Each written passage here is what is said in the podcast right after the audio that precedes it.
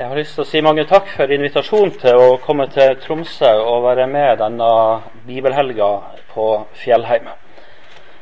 Det er godt å være tilbake i Tromsø, i en eh, fødselsby. Eh, selv om vi ikke bor så langt unna, så er det ikke så veldig ofte at det blir Tromsø-tur lenger. Jeg har blitt eh, utfordra til å ta fram noe fra Det gamle testamentet denne helga. Og da ble det slik at uh, vi landa på Jobbs bok. Og vi skal fire bibeltimer fra Jobbs bok sammen nå i kveld og i morgen. Jeg tror at for uh, veldig, veldig mange så er Jobbs bok ei bok som omtrent aldri åpnes. Eh, det kan godt være at man eh, leser de to første kapitlene i Jobbs bok. De tror jeg mange, mange, kanskje alle kjenner, som skildrer den ytre historien.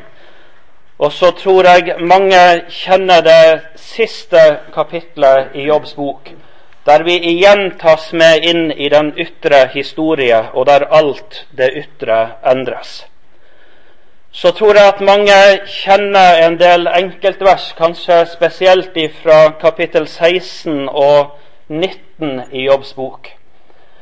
Eh, men ellers så tror jeg at for mange så er Jobbs bok ei lukka bok. Samtidig så kan man møte mennesker som kanskje på en spesiell måte, når lidelse har banka på døra og tatt plass i et menneskes liv, har bøyd seg over Jobbs bok på leiting etter trøst og hjelp i møte med det som dagen bærer med seg. Nå skal vi prøve å bruke litt tid sammen rundt denne boka. Vi skal ikke inn i absolutt alt, men eh, jeg skal prøve å bruke forholdsvis mye av eh, boka. Sånn helt kort eh, oversiktsmessig så møter du altså i Jobbs bok kapittel 1 og kapittel 2 den ytre historie. Det som hender i Jobb sitt liv på det ytre planet. I det tredje kapittel så møter du en jobb som eh, bryter stillheten og tar til orde. Og så forbanner han ikke Gud, men han forbanna den dag da han ble født. Og så møter du fra kapittel 4 til og med kapittel 31 på en måte en samtale mellom Jobb og hans tre venner, Elifas, Bildad og Sofar. Der den ene stiger fram og taler, og så svarer Jobb. Og så stiger en annen fram og taler, og så svarer Jobb.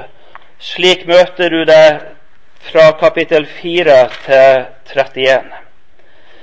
I kapittel 32 til kapittel 37 så møter du en annen som stiger fram. En som heter Elihu. Og så møter du hans forkynnelse, eller hans sjelesorg, i møte med den lidende jobb. Kapittel 32 til 41, der møter du Gud som svarer jobb ut av stormen. Der er det Gud som taler direkte inn i jobb sitt liv. Og så møter du altså det 42. kapittelet, som er det siste kapittelet, som jeg nevnte, som tar oss igjen tilbake til den ytre historie, og om hvordan de ytre forhold endres i jobb sitt liv. Den første timen nå i dag så skal vi bruke litt tid på jobb. Eh, hvem var han? Hva var det som ramma han? Hva var det han eh, aller dypest slet med i sin lidelse og nød? Så skal det være en eh, kaffepause, og så skal vi bruke den andre timen og bruke tid på disse tre jobbsvenner sin sjelesorg, sin forkynnelse og hva det gjør, hva det virker i jobb sitt liv. I den første timen i morgen så skal vi stanse ved Elihus forkynnelse. Og i den siste timen så skal vi prøve å stanse ved de fem siste kapittel av Jobbs bok. Skal vi be sammen? Herre, vi har lyst til å eh, bøye oss for deg og be om at du kan komme oss nære nå når vi samles om ditt ord. Herre, vi trenger så inderlig din gode Hellige Ånd, som kunne få lede oss til sannheten og åpne våre hjertas øyne på en sånn måte at vi kunne få møte noe i ditt ord som kunne bli til hjelp for oss i vårt daglige liv. Det ber vi deg om. Amen.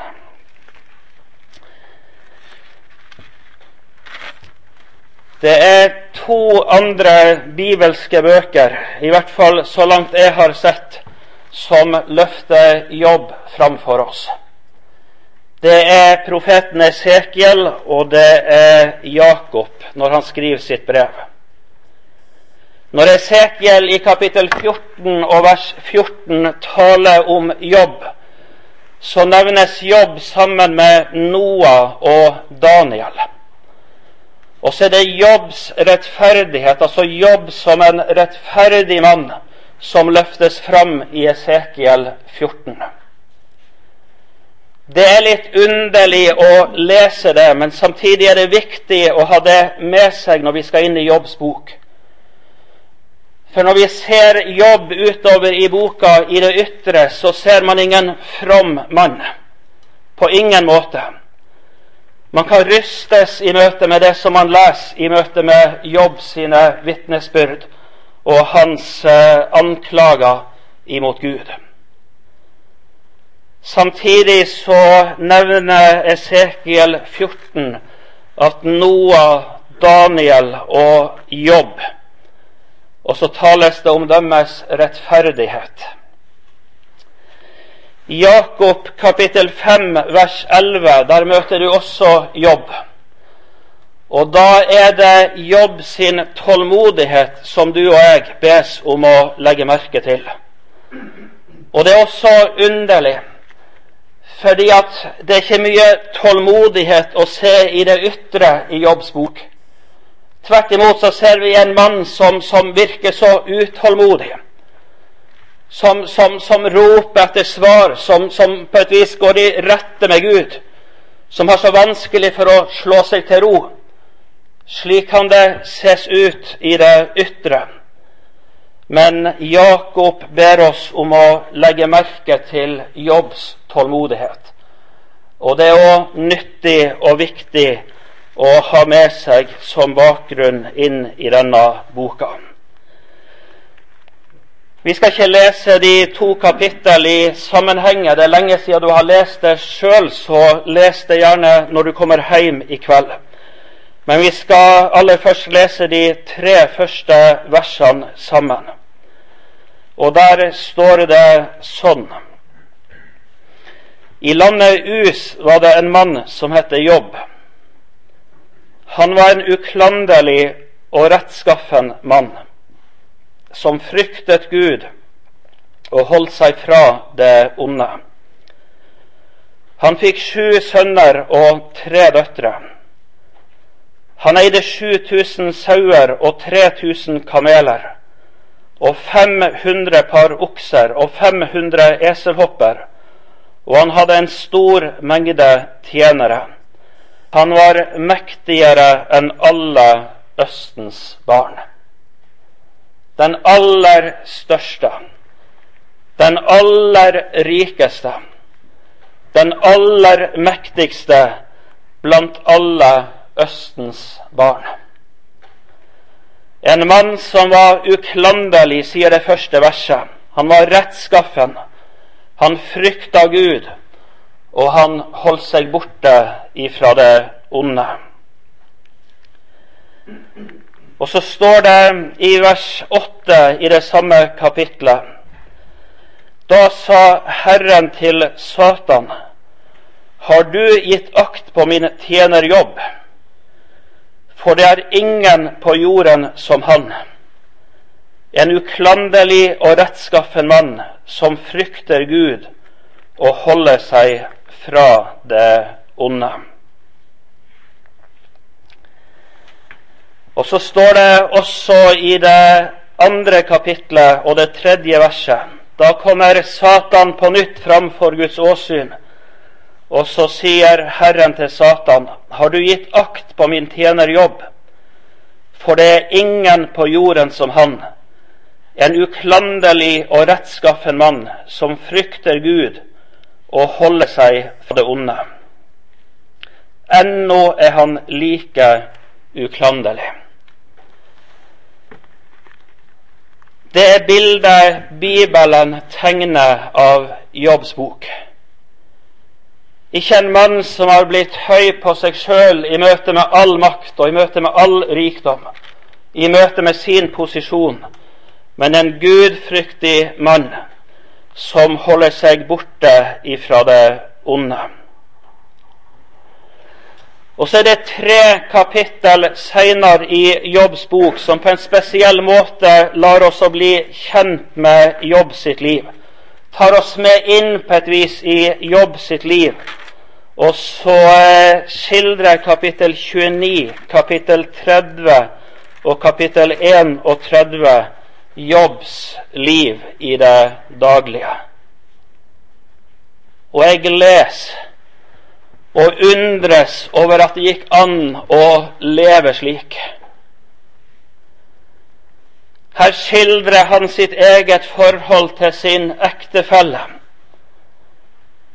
Om hvordan han har slutta en pakt med sine egne øyne om å ikke se etter andre kvinner. Her skildrer han sitt forhold til all den rikdom som var mer enn noen andre var i besittelse av.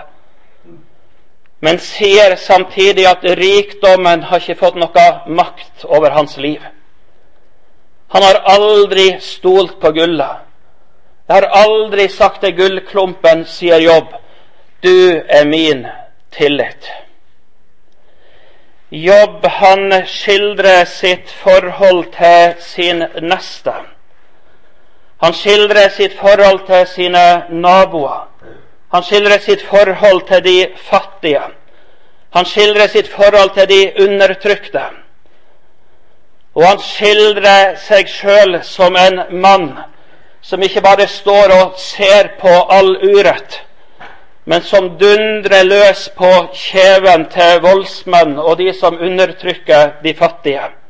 En som gyver løs på kjeltringen. Du møter en mann som nyter en enorm respekt i folket. Når Jobb går inn gjennom byporten, der hvor de ofte samles, der de kom sammen for å samtale, for å dele nytt med hverandre Når Jobb kom, da trakk de unge seg tilbake.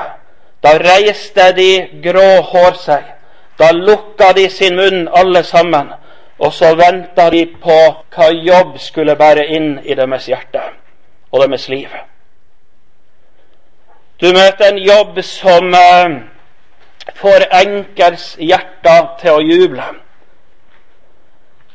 En som er den blinde sine øyne en som er føtter for den som ikke kan gå.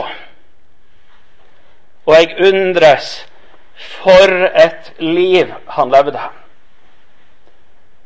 For ei betydning han hadde inn i sin samtid. I disse samme kapittel så tar Jobb oss også inn i møte med sin egen synd.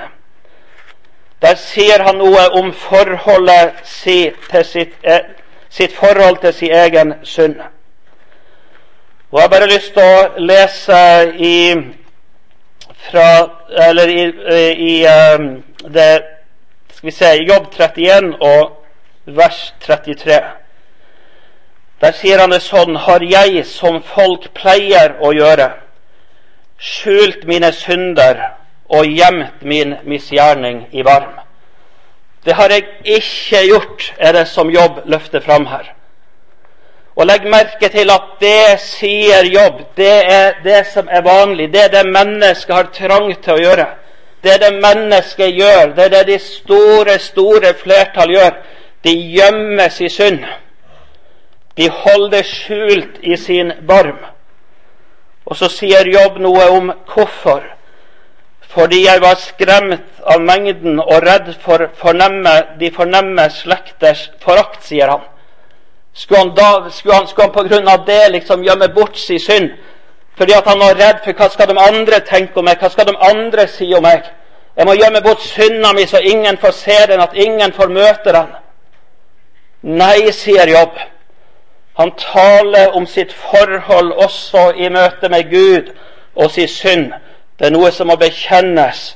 Det er noe som må gjøres opp. Bruk gjerne tid og les i kapittel 29, 30 og 31 om du har anledning til det i kveld. Men det lyder noen vitnesbyrd også her om Jobb sitt liv. Og det står også her i eh, kapittel 31 og vers 31 og 32. Må ikke mine husfolk vitne om at enhver fikk ete seg mett ved mitt bord.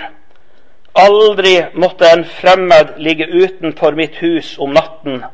Jeg åpnet mine dører for den veifarende. Kanskje tenker du det når du leser disse vitnesbyrd fra jobb, at her er det en mann som har trang til å skryte av seg sjøl. Det er det ikke. Men det er et svar på en sterk, sterk anklage ifra Jobb sine tre venner, som er overbevist i sitt indre om at ulykken rammer aldri den som lever rett og godt med Gud. Og så anklager de Jobb for aldri å ha gitt mat til den fattige. De anklager han for å ha lukka døra igjen og bare tenkt på seg sjøl. Og så bærer Elifas fram en kolossal anklage mot Jobb. Og så er det ikke Jobb sitt ønske om å fremheve seg sjøl på noe vis. Men han vil gå i rette og si at det ikke det er ikke sant. Det er ikke sant. Denne jobb er det altså vi møter i kapittel 1 i Jobbs bok. Og så møter du altså dette som eh, står skildra fra vers 6 og utover. Der hvor Satan stiger fram for Guds trone, og så spør Gud om eh, om han der han har vandra rundt i denne verden, om han har lagt merke til han jobb. Og så, møtes, så møter vi to møter mellom Satan og Gud i kapittel 1 og i kapittel 2, der det tales om jobb. Det er skjult for Jobbs øyne.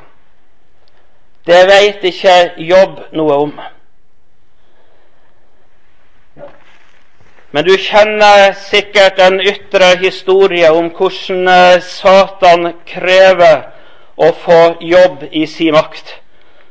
Han spotter Gud opp i ansiktet, og så sier han det. Mon jobb frykter Gud for intet. Har du ikke verna om han og hans hus og alt som er hans på alle kanter? Hans henders gjerning har du velsignet, og budskapen hans har bredt seg vidt ut i landet. Jeg leser fra vers 9 og utover. Og vers 11. Men rekk bare din hånd ut og rør ved alt det som er hans. Da vil han forvisst si deg farvel like opp i ansiktet. Det er ikke rart at han jobb vil ha med deg å gjøre, Gud.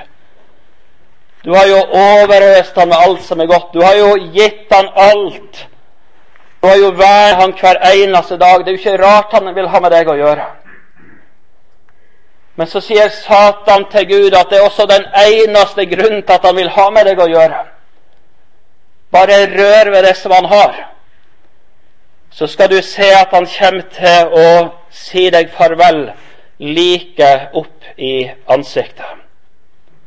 Og så møter du noe av det samme også i det andre kapittel der hvor Satan krever å få røre ved jobb.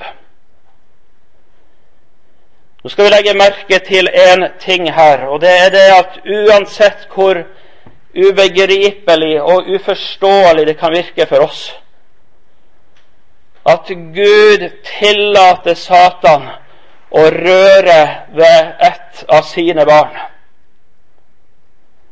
så skal vi allikevel legge merke til at det er Gud som setter grenser. Det er Han som setter grenser.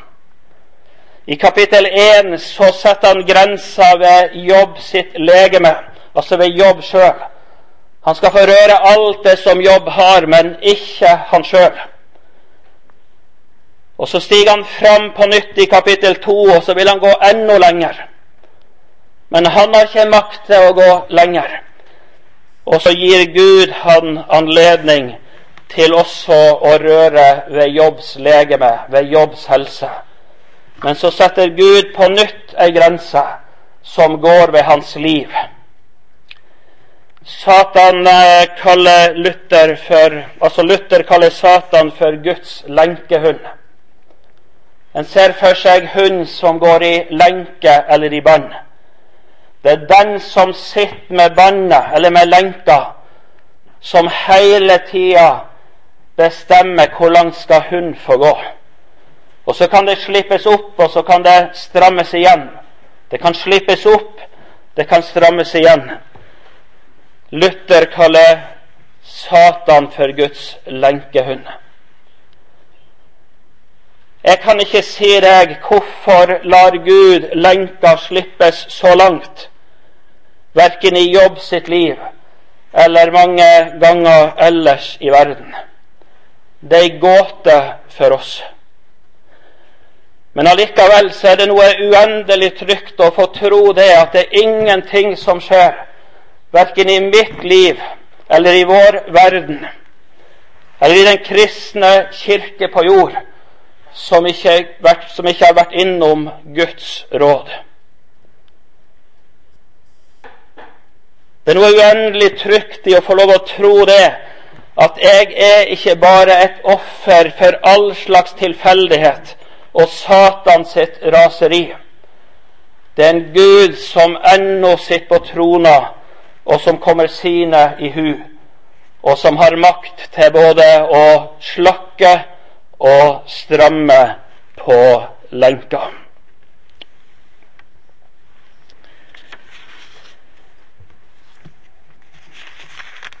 Og så skjer det forferdelige, slik som disse to første kapittel beretter for oss. Fire ganger så banker det på Jobbs dør samme dagen. Det kommer et sendebud, og så forteller den noe om den ulykke som har skjedd. Du møter det fra vers 13 og utover. Og mens han ennå taler, så før han er ferdig, mens han ennå taler, så kommer det et nytt sendebud og skildrer en annen ulykke som har hendt.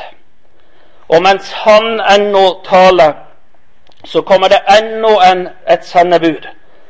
Og så er det fire stykker som banker på døra og bærer budskapet inn i jobb sitt liv om at alt det han eide, det er borte. Han hadde dyr for hundrevis av millioner, om du regner om til norsk verdi. Han hadde tjenestefolk som han var utrolig glad i. De tas fra han. Og så mister Jobb alle sine ti barn på én gang. Og du møter underlig, eh, et underlig trekk i begynnelsen av Jobbs bok kapittel 1 der hvor det skildres noe av forholdet som Jobb hadde til sine barn. Det var en familie som ofte kom sammen. Ofte så kom de i lag for å spise og tale sammen. De brukte å holde gjestebud. Og så står det eh, i vers 5 og 6 at så ofte en slik omgang med gjestebud var over, sendte Jobb bud etter dem og helliget dem. Han sto tidlig opp om morgenen og ofret brennoffer, ett for hver av dem. For Jobb sa, kanskje sønnene mine har syndet og sagt Gud farvel i sitt hjerte. Og så står det slik gjorde Jobb alltid. Det skildres noe av en fars forhold til sine barn. Det var ikke nok for jobb at de hadde det godt i det ytre, at de hadde hus og heim og familie. Men det var en jobb som bar på en redsel om at de hadde sagt Gud farvel i sitt hjerte. Det hadde de ikke gjort i det ytre. Men han var redd allikevel for at noe skulle ha fått plass i deres indre liv som hadde ført dem på avstand ifra Jesus. Og så står han opp, og så bærer han fram offer for dem. Han kaller de til seg, og så helliger han dem. Og Bibelen lærer oss senere det at alt det helliges ved Guds ord og bønn. Det sier noe om hvor utrolig tett han var knytta til sine barn. Og så banker det på døra, og så har han mista dem alle sammen. Det er slike dimensjoner på det at vi makter knapt å sette oss inn i, i det, inn i den smerte, inn i den sorg, med våre tanker. Men det var forferdelig for jobb. Og det var forferdelig også for Jobbs hustru. Det står i vers 20 i kapittel 1.: Da reiste Jobb seg og flerret ytterkappen sin. Han klipte håret av hodet sitt og kastet seg ned på jorden og Hva står det i din bibel? Han kasta seg ned på jorda og og tilba, står det. Og sa, naken kom jeg fra min mors liv, og naken skal jeg vende tilbake. Herren ga, og Herren tok. Herrens navn være lovet. Under alt dette syndet ikke Jobb, han lastet ikke Gud for alt det som hadde hendt ham. Og så leser vi i kapittel to om dette nye møtet med Satan og Gud, og en Satan som går og slår Jobb med smertefulle byller fra fotsåle til isse, slik at Jobb sitter igjen med et potteskår og skraper seg med det der han sitter midt i asken. Og så sier Bibelen i 2,9 at da kom hans hustru til ham. Og så sier hun det til ham, holder du deg like uklanderlig? Si Gud farvel og dø. Men han svarte, du taler som en av de ufornuftige kvinner. Skal vi bare ta imot det gode fra Gud, og ikke også det onde? Under alt dette syndet Jobb ikke med sine lepper. Det er noen som eh, sier at det var Jobb sin store ulykke. Det at han tok alt som hendte, som om det kom ifra Gud. Det er de som sier at det skulle Jobb aldri ha gjort. Jobb han skulle visst at dette kommer ifra Satan sjøl. Jobb han skulle ha reist seg opp og han skulle befalt Satan bort i Guds navn. Han skulle aldri ha bøyd seg til bakken og takka og lova sin Gud. Det er i alle fall ingen tvil om at Jobb ser det slik at det var Herren som ga, og det var Herren som tok. Problemet med alle disse som stiger fram og sier at det var det dummeste Jobb kunne gjøre i sitt liv, bare å legge seg ned i møte med det som skjedde. Det er det at Bibelen sier det klinkende klart at det som kom, det kom ifra Gud. Og det kan skremme oss når vi leser Bibelen, kanskje. Men Bibelen sier det i kapittel 42, vers 11. Der står det i siste del De spiste med ham i hans hus og viste ham medynk og trøstet ham for all den ulykke Herren hadde latt komme over ham. Legg merke til det. All den ulykke Herren hadde latt komme over ham. Vel sier Bibelen at det var Satan som slo. Samtidig så er det en Gud som stiger fram, og så tar han ansvaret for det som har skjedd. Det møter du i dag i vårt samfunn, i alle kulturer og kontekster Der det skjer noe fryktelig, så er det om å gjøre å fraskrive seg ansvar. Det var ikke min skyld. En vil trekke seg bort fra det, en vil kaste skylda på noen andre. Her møter du en Gud som står fram. Og så tar han ansvaret for det som har skjedd. Midt i den forferdelige sorg så rammer også sykdom i Jobb sitt liv. Og Nå skal vi ta og lese noen uh, bibelvers sammen fra Jobbs bok. Uh, først kapittel 2, 7. Så gikk Satan bort fra Herrens åsyn, og han slo Jobb med smertefulle byller fra fotsålen til issen. Smertefulle byller, står det. Kapittel 7 og vers 5. Jobb 7 og vers 5. Der sier Jobb det sånn. Mitt kjøtt er kledd med makk og med skorper som av jord. Min hud blir skrukket og brister. Vi leser i kapittel 19 og vers 20. Der står det sånn Mine ben trenger ut gjennom min hud og mitt kjøtt. Bare tannkjøttet er ennå urørt på meg. Det er et sterkt bibelvers. Det eneste som ikke er rørt, det er tannkjøttet, sier han Jobb. Jobb han sitt dypt, dypt eh, plaga i sykdom og nød. Med smerter, ikke bare over sorge og tape, men også i møte med det som herjer hans legeme. Han sitter alene tilbake.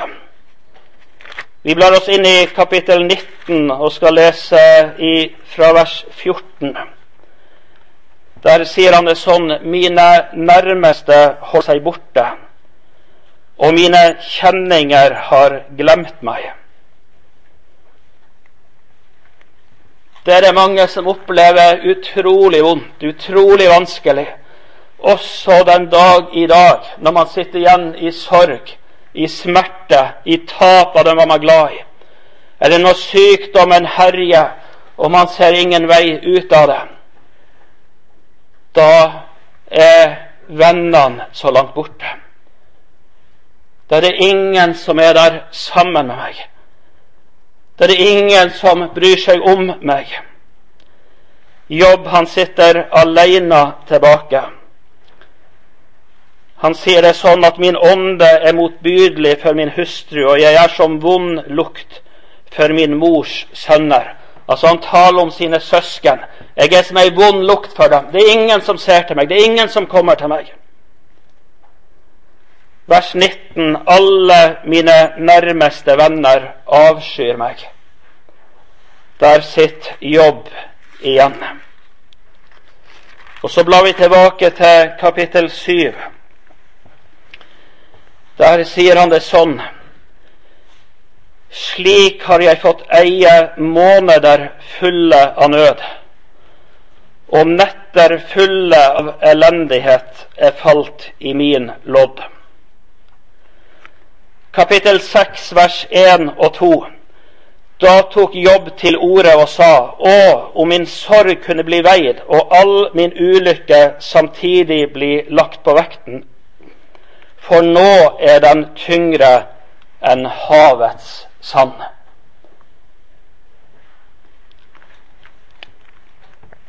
Kapittel 7, vers 15. Vers, eh, kapittel 7, vers 15. Derfor ville min sjel heller kveles, heller døden enn disse pinslene. Og så sier han i kapittel 7 og vers 7 Aldri mer skal mitt øye se noe godt. Kan du tenke deg inn i en sånn smerte? Én ting er om man brekker en fot og vet at nå gjør det vondt i 14 dager, så må jeg gå på krykke i, 6-7 uker. Men jobb ser det for seg og sier det at jeg kommer aldri mer til å se noe godt i mitt liv. Jeg kommer aldri til å få møte noe godt mer i mitt liv. Og noe av de tankene er også bakgrunn for det som du møter i Jobbs bok kapittel 3, når det på et vis brest for han Jobb, og han Jobb setter ord på all sin sorg, på all sin smerte, på all sin nød, der hvor han sier at det eneste han skulle ønske, det var at han ikke var født. Eller i det minste at han kunne få dø og få være ferdig alle sine lidelser. Det står i slutten av det tredje kapitlet Mine sukk er blitt mitt daglige brød. Mine klager strømmer fram som vannet. For alt det fryktelige som jeg fryktet for, har funnet meg, og det jeg gruer for, har grepet meg. Jeg har ikke fred, ikke ro. Jeg har ikke hvile. Det kommer alltid ny uro. Når du leser kapittel tre, så er det som om at man sperrer opp øynene. For da kan det virke som om at all jobbs fromhet er borte. Da kan du nesten skremmes i møte med det han sier. Og ikke minst når du leser videre utover i Jobbs bok, når han klandrer Gud for å være urettferdig. Jeg hadde lyst å si deg allikevel at vår Gud, han er så stor at han også fortsetter å være like glad i den som raser og roper og knytter never imot Han.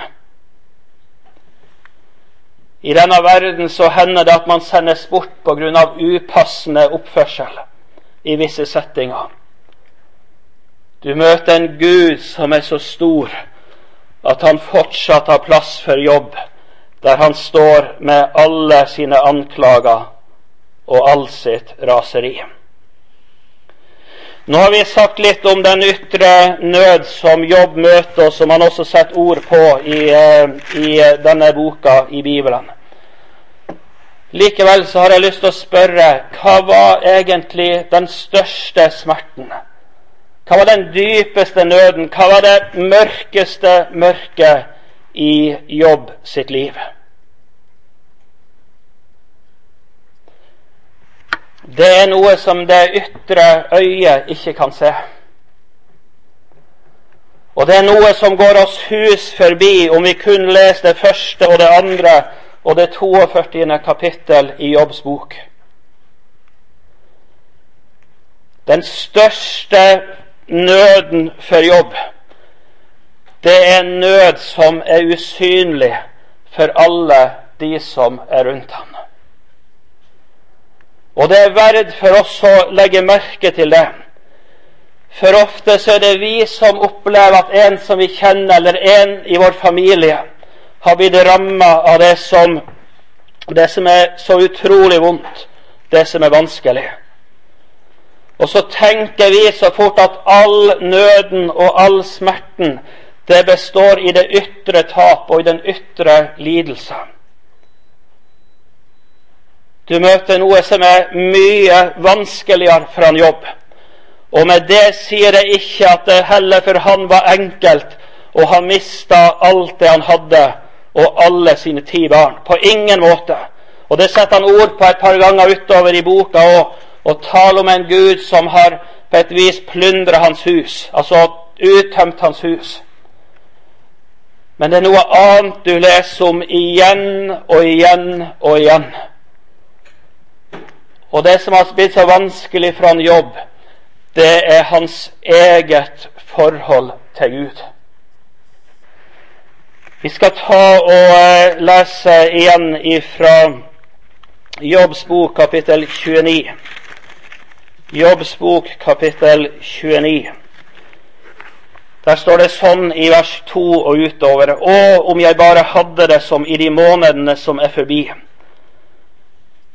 Og så Der sitter en jobb og sier 'Å, om jeg bare kunne hatt det som før'.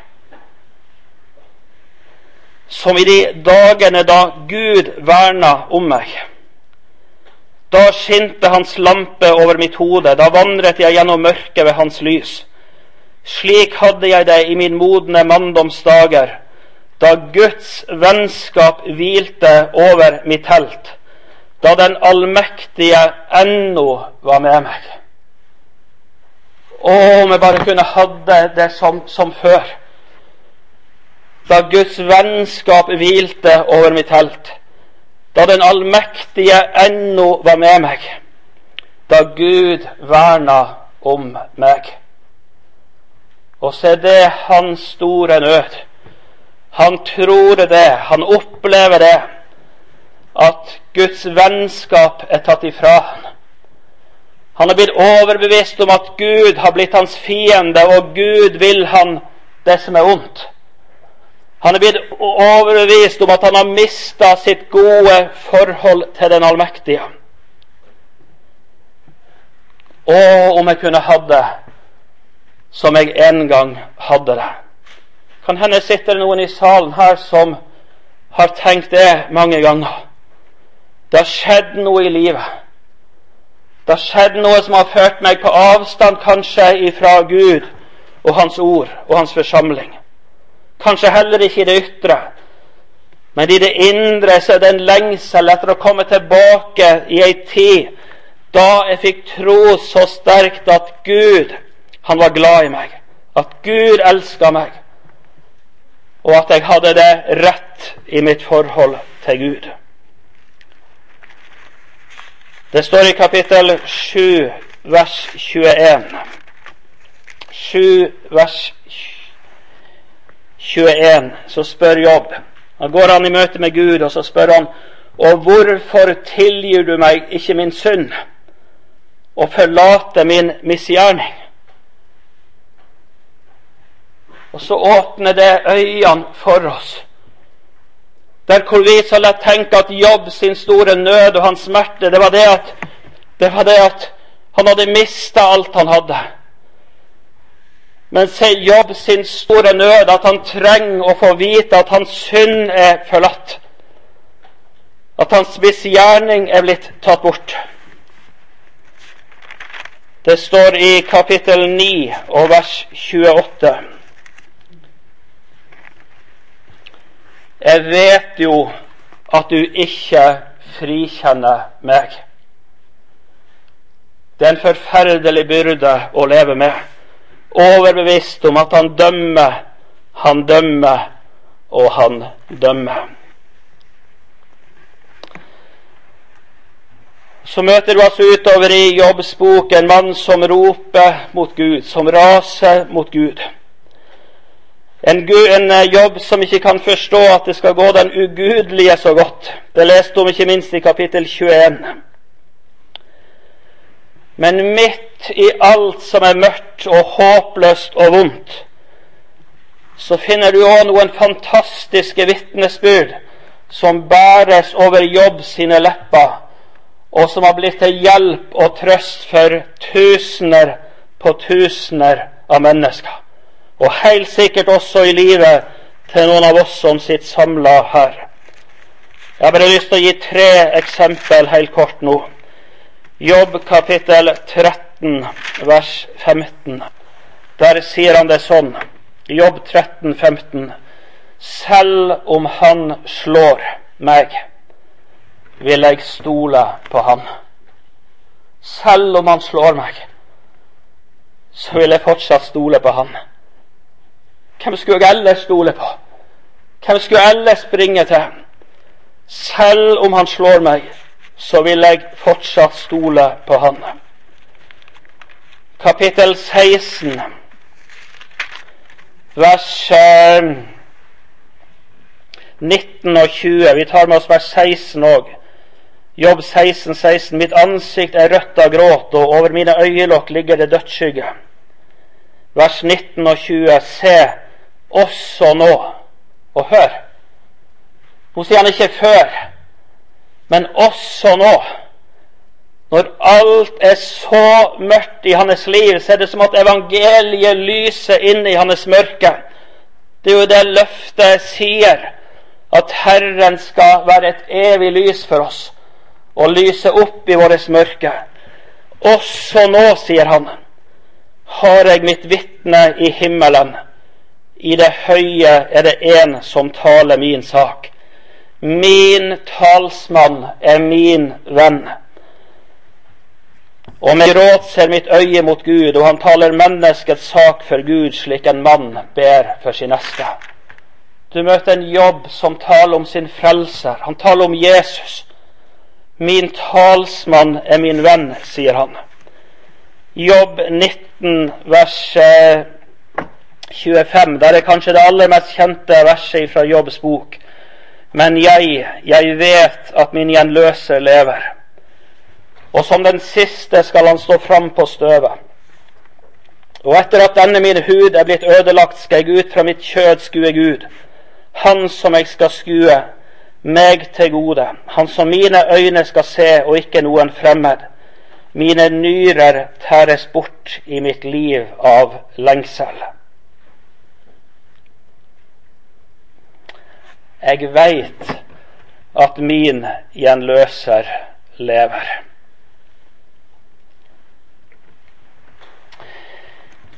Jobb han tenkte når alt var godt, at slik kommer resten av mitt liv til å være. Det setter han ord på i kapittel 29, om jeg ikke husker veldig feil. Han tenkte at alt skulle bli slik som det var. Ingen av oss kjenner framtida. Ingen av oss veit hva vi har i morgen, om vi i det hele tatt har en eller får en morgendag.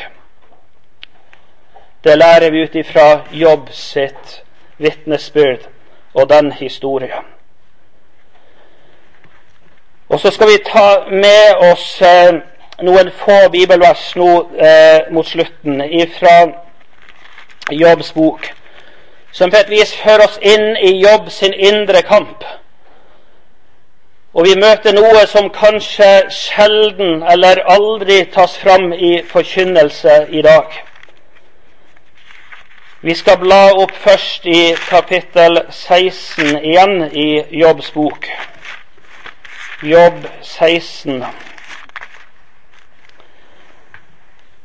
Der står det sånn i vers 12.: Jeg levde i ro da ristet han meg.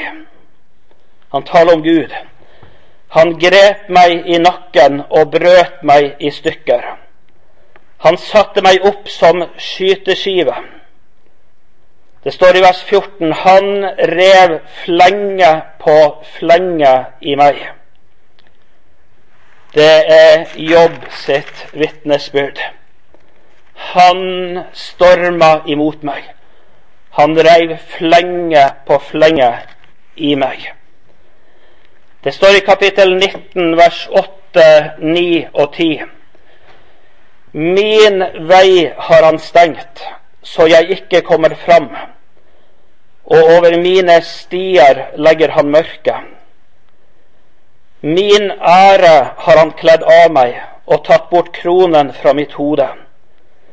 Han bryter meg ned på alle kanter så jeg går til grunne, og han rykker opp mitt håp som et tre. Min vei har han stengt, min ære har han kledd ifra meg, har han tatt ifra meg.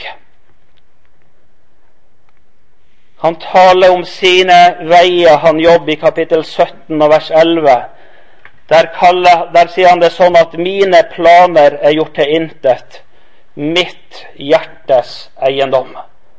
Og den setningen er verdt å legge merke til i Jobb 17, 11. Han kaller sine planer, sine tanker, det kaller han for sitt hjertes eiendom. Sin ære, sitt liv.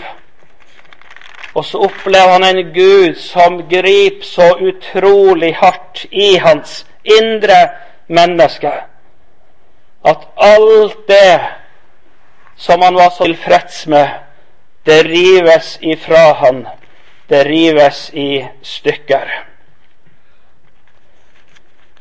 Vi kunne lest noen vers til, jeg ser klokka går, vi skal ikke gjøre det.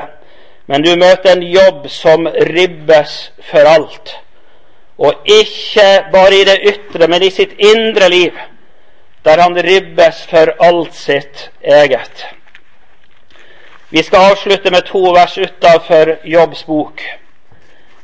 Eh, der møter vi først vitnesbudet fra salmisten, som sier det sånn i kapittel 102 og vers 24. Salme 102, vers 24. Han, altså Gud, har svekka min kraft på veien. Han har svekka min kraft. Du er kanskje vant til å be om Guds kraft. Vi ber om Guds kraft. Og vi taler om en Gud som skal gi oss kraft og gi oss kraft og gi oss kraft. Og det er en Gud som gir kraft. Det er vidunderlig stort. Det er ingen kraft som er som Guds kraft i denne verden. Men her møter du vitnesbyrdet fra en salmist som sier det at han har svekka min kraft. Min kraft, sier han. Legg merke til det. Min kraft, den har han svekka. Og det siste bibelverset vi skal lese, det leser vi fra Jesaja kapittel 57. Og det er på en spesiell måte et bibelvers inn i våre liv som er så tilfreds med vår kristendom. Til oss som er så tilfreds med vår forsamling. Til den som er så tilfreds med sitt bønneliv og andagsliv og vitnetjeneste. Som er så tilfreds med alle ting i sitt liv. Så står det sånn i kapittel 57 og vers 10. På din lange reise ble du trøtt. Kjenner du det igjen? Du ble trøtt. På din lange reise ble du trøtt. Likevel sa du ikke 'jeg gir tapt'. Du fant ny livskraft for din hånd, står det.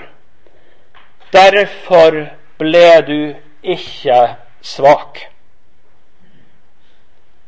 Manna seg opp enda en gang.